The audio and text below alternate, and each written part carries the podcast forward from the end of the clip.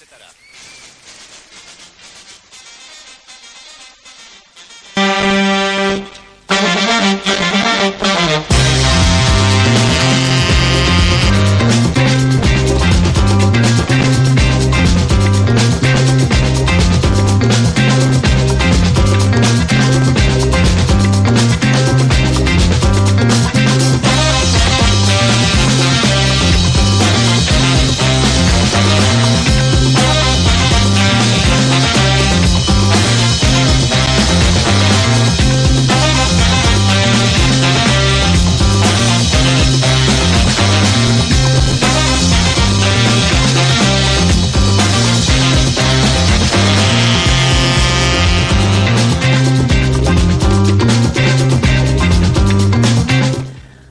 Amabiek eta amaika minutu dira, ondartzara goaz.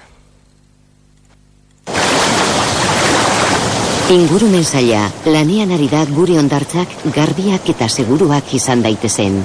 Gaur, zeuk gozatzen duzu lan handi honen onura. Zeure eskudago zure seme alabek ere onura hori gozatzen jarraitzea.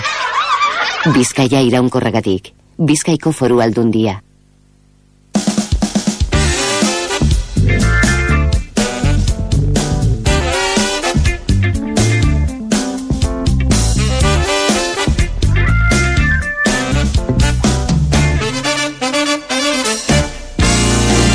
Bandera gorririk gaur bestozu etopauko gure ondartzetan, eh? Bandere horia dago larenan, gorrondatzen, barinatzen, arrietara tzabiribilen, bakion, laidatzun, San Antonion eta laidan.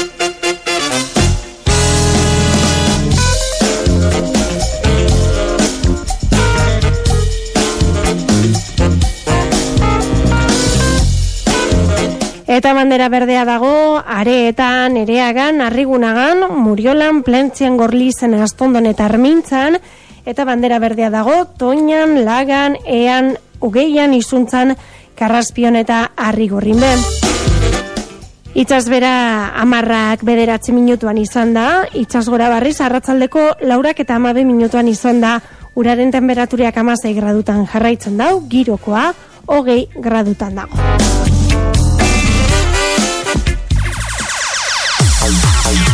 Emakumen bidea Bizkaia irratian. Eguenean eta barikuan arratzaldez eta zapatu domekan goizez, informazio guztia ordu puntuetan albistegien ostean. Jarraitu emakumen bidea Bizkaia irratian. Seguros Bilbao, Bizkaiko betiko aseguru etxeak, Durangon askatasun etorbidea batean, aseguru mota guztiak eskaintzen dutzuz, kotxe, etxe, bizi aseguruak, jubilazio planak. Durangoko bulegoan aitor garro daukazu, zeure zalantzak argitzeko. Durangoko Seguros Bilbao, tranquil bizi zaitezen. Anboto SL elektrizitatea, automatismoa, bobinatzeak, instalazio elektriko industrialak, Anboto SL elektrizitatea, elektronika industriala eta automozio kableatzeak, trainapadura industria gunean, C pabelloian, matienan, abadinon, bederatzi lau, 6 sortzi bat, bi lau, iru iru telefonoa. Elorrion transportez nanuk, nazio barrurako garraioa, zeure zerbitzura. Transportez nanuk, betzaide amaikan, Elorrion. Transportez nanuk, emakumen bira bultzatzen.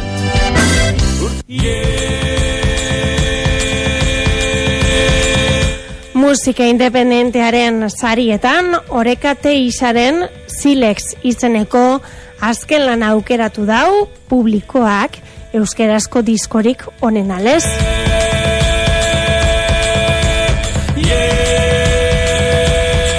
Eta Silex disko horretan topau ginke baloreak izeneko abestia. Kasa zabaltzen sobera, bideon bakarrean ezarriz norbera. Gure aldera beti ez gaitezen lerra, elgarre respetatuz uruntzen da hera. Zuzentasunaz ditut ametsak eginak, bortizkeria dakar obratu ezinak, batzu beti garbiak, bertzeak zikinak, heriotzean baizik ez gauden berdinak.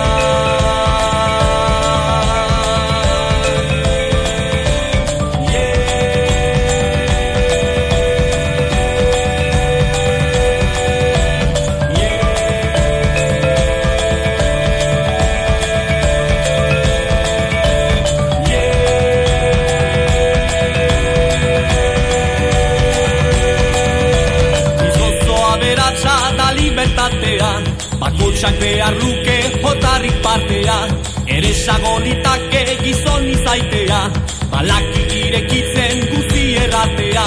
Amodioa ere oda aipatzea Helburu berarekin urrun behatzea. Loratu laike laster denen barratzea Baginaki aztertzen zer den maitatzea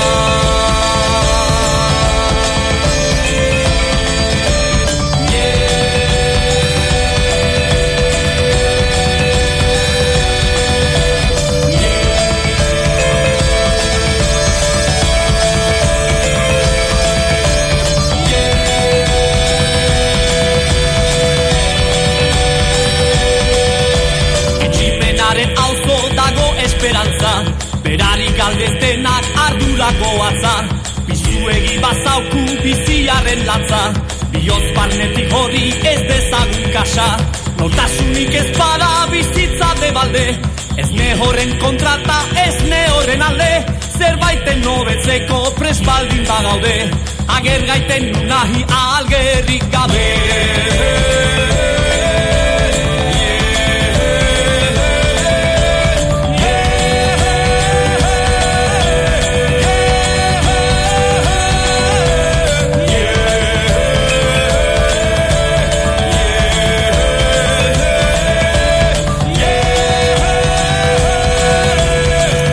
Bueno, ba, horrekatek izaren doinu honek, eh? euskerazko onenak musika independentearen sarietan, amabiak eta amazazpi minutu direnean badakizue, eguazten izan da, donostiara guaz.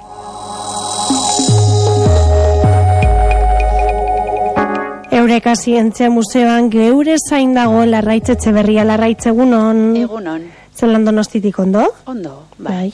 Gaur burbuien inguruan egin behar dugu berba. Bai, hori da pixka bat e, burbuiak aipatuko ditugu, ez?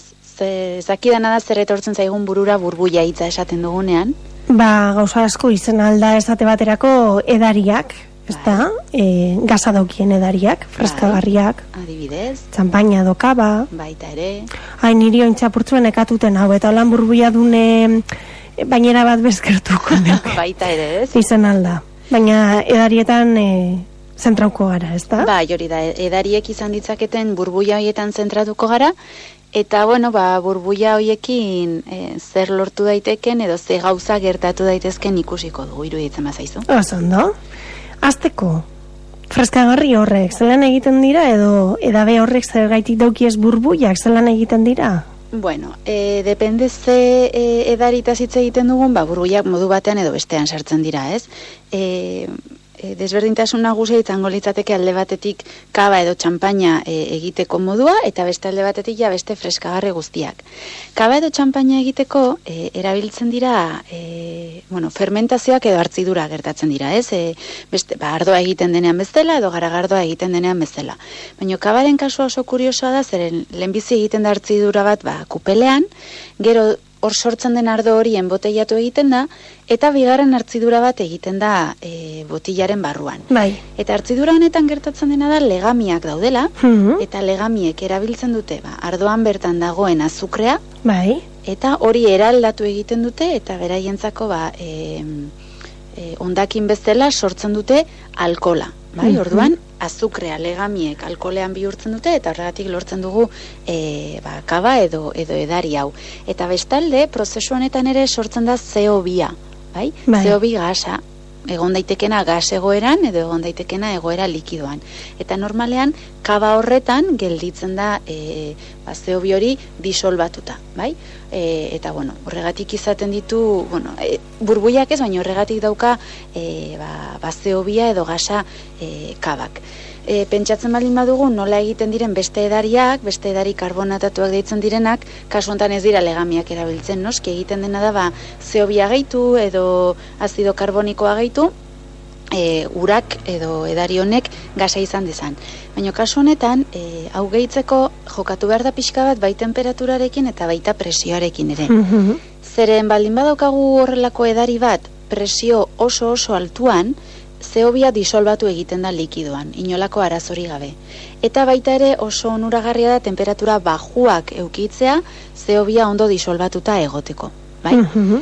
Orduan, behar duguna da, e, temperatura basua eta presio oso altua zeobia ondo, ondo disolbatzeko. Mhm. Era fijatzen baldin bagara, bai, kaba botila batean edo freskagarri botila batean itxita dagoenean, normalean ez ditugu burbuiak ikusten. Ez. E, gasa badago, Mhm. baino disolbatuta dago.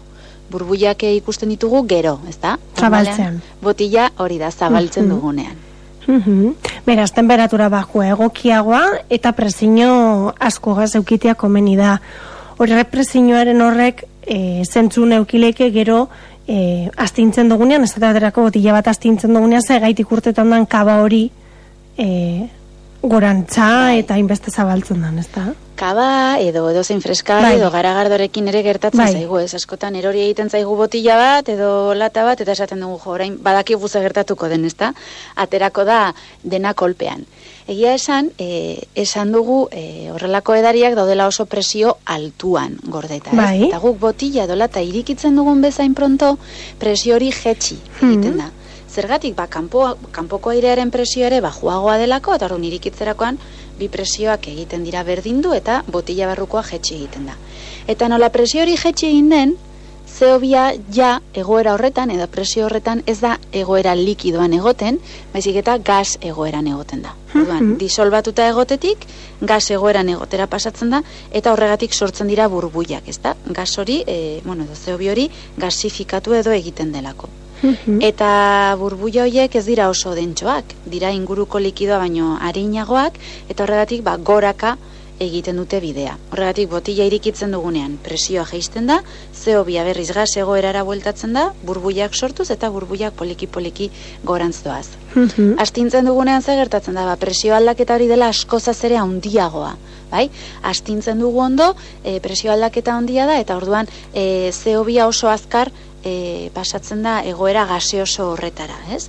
Eta gainera, e, bueno, dena astintzerakoan, e, pentsatu behar dugu bai gasa eta baita likidoa oso nastuta daudela, orduan burbuiek goraka egiten dutenean beraien bidea, ba, likidoa beraiekin arrastratzen dute, eta horregatik ateratzen da apar guztia eta likido guztia goikaldetik zerbait astindu dugunean. Vale, eta horregaitik presio kontua gaitik izango da bai botila bat adibidez freskagarri baten botila bat zabaltzen dugunen entzuten da zaratatxo hori, ez da? Hori da, edo e, pastilla efervescente Be bat bai. egiten dugunean, ez?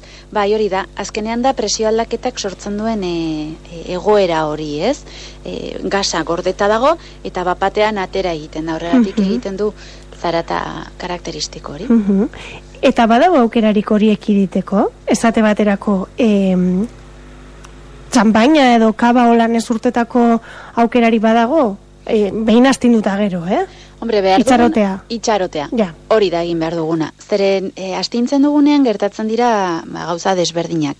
Alde batetik guk botila bat edo lata bat besterik gabe daukagunean, daukagu likidoa, likido horretan dago, esan dugun bezala, zeobia disolbatuta, baina goikaldean ere badago gune bat, ez dagoena likidorik eta horrere gasa dago. Orgoian dagoena da zeobia. Nasten dugunean dena gelditzen da nastuta. E, Ja ez da gelditzen gasa goian eta likidoa behian, baizik eta daukagu horrelako nasketa handi bat.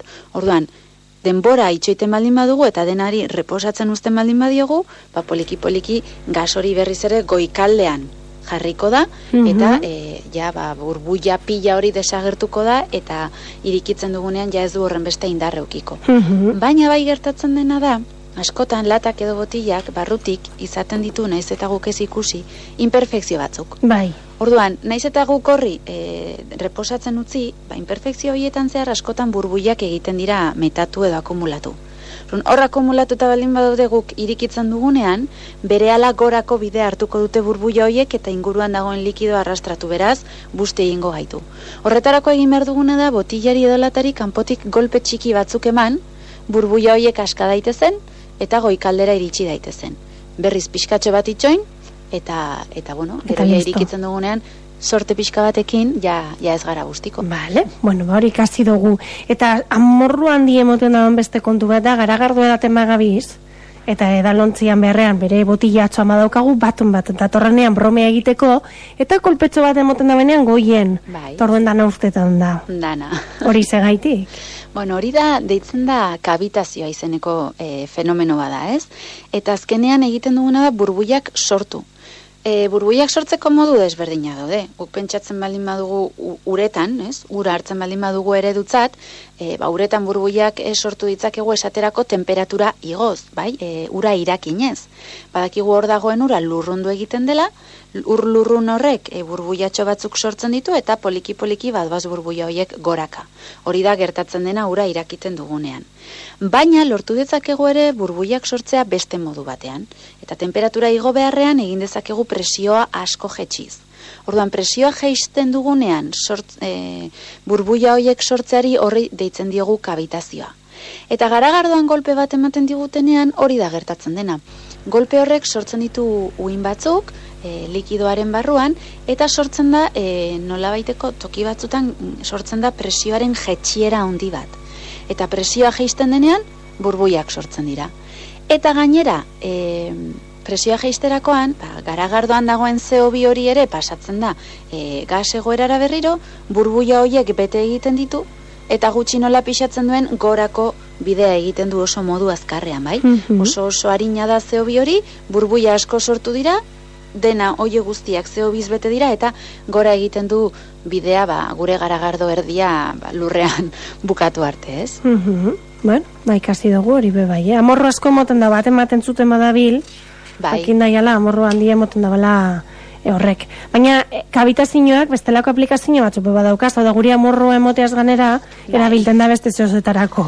Bai, egia da ikerketak e, badaudela eta aplikazio desberdinak dituela, ez?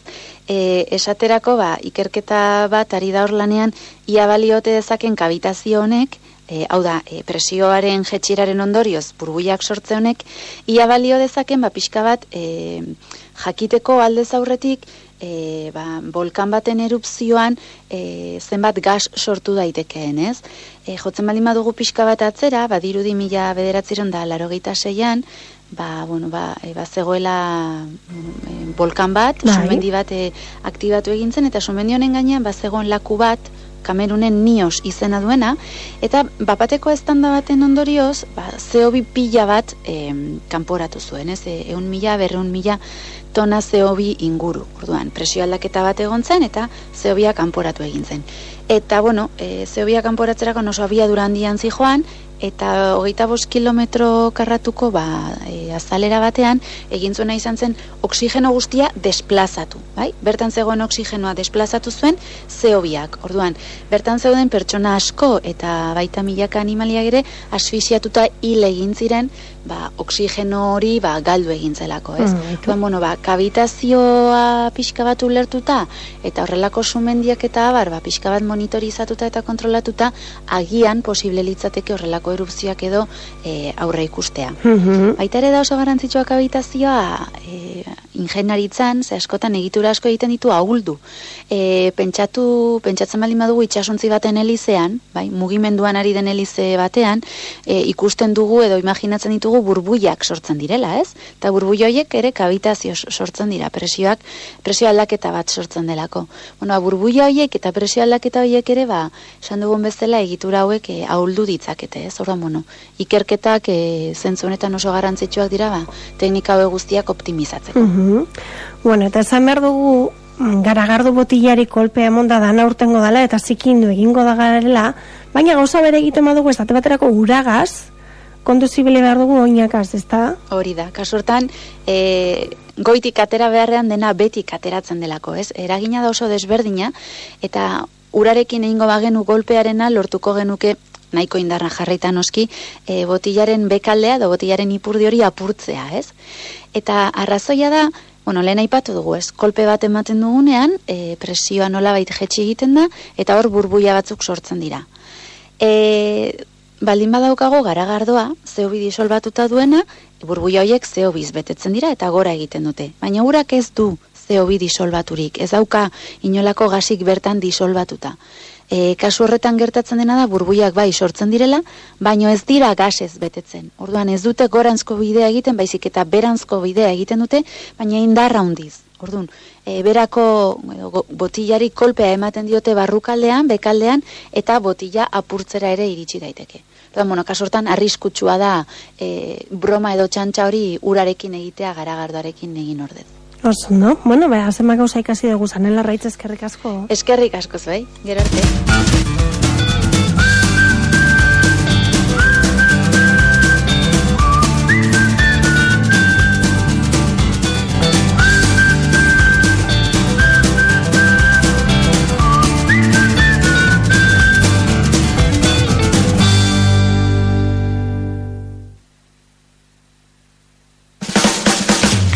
Aulestin Ibegrafik diseinu grafikoa eta komunikazioa. Diseinu grafikoan behar dozun dandana irudi korporatiboa, papergintza, kartelak, aldizkariak. Imprimak eta mota guztiak ohikoa eta digitala, tamaino eta euskarri guztietan pankartak, bloterrak, lona, metakrilatoa, PVC-a. Publizidade kanpainak, diseinua, banaketearen koordinazioa, web horrien diseinua eta maketazioa bebaik.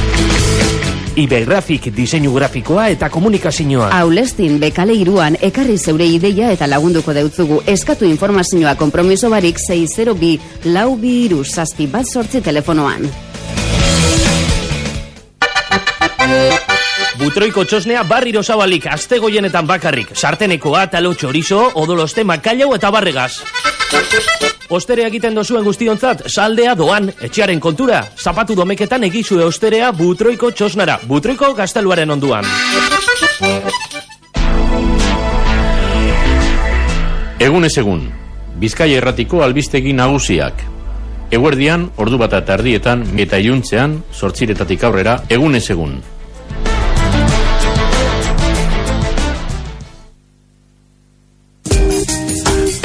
Ekainaren hogeta bostean eta hogeta zeian, Bilbon, sexu eta ugalketa osasunari buruzko politika publikoak eta gizartearen parte hartzea, nazio arteko lankidetzaren erronkak izeneko kongresua. Medikus Mundi Bizkaiak antolatuta eta garapenerako lankidetzaren euskal agentziak lagunduta. Izena emotea eta informazio gehiago, iru ubebikots.medicusmundibizkaia.org Medicus Mundi Bizkaia.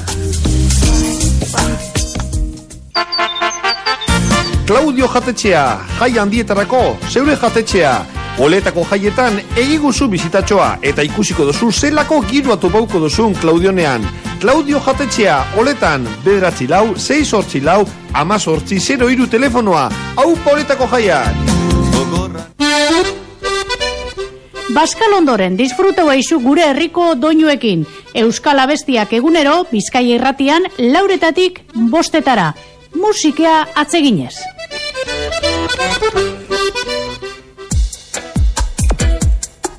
Eguneroko estresak entzeko ez dago urtiolarako lekurik. Paraje menditzuan ondolo egiteko eta jateko leku parebakoak. Bizkarra jatetxea eta urresa aurre burdikurutze ostatua, dotorea, modernua, funtzionala, ezin duentzako prestatua. Orain prezio berezi bereziak eskontza jaunartze eta ospakizunetan, ostatuan zein jatetxean. Deitu, galdetu eta hartu lekua. Bedratzi lau, sei sortzi bat, bi utza, bi sei telefonoan. Ezara damutuko.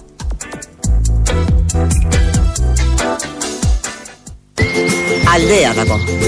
Aldea dago edozein barazkiren eta aldutasun punturik onenean jasotzen direnen artean. Nik neuk eramaten ditut barazkiak BM-era. Eta bide batez erosketak egiteko aprobetsatzen dut. BM-en bitartekaritzarik gabeko fruta eta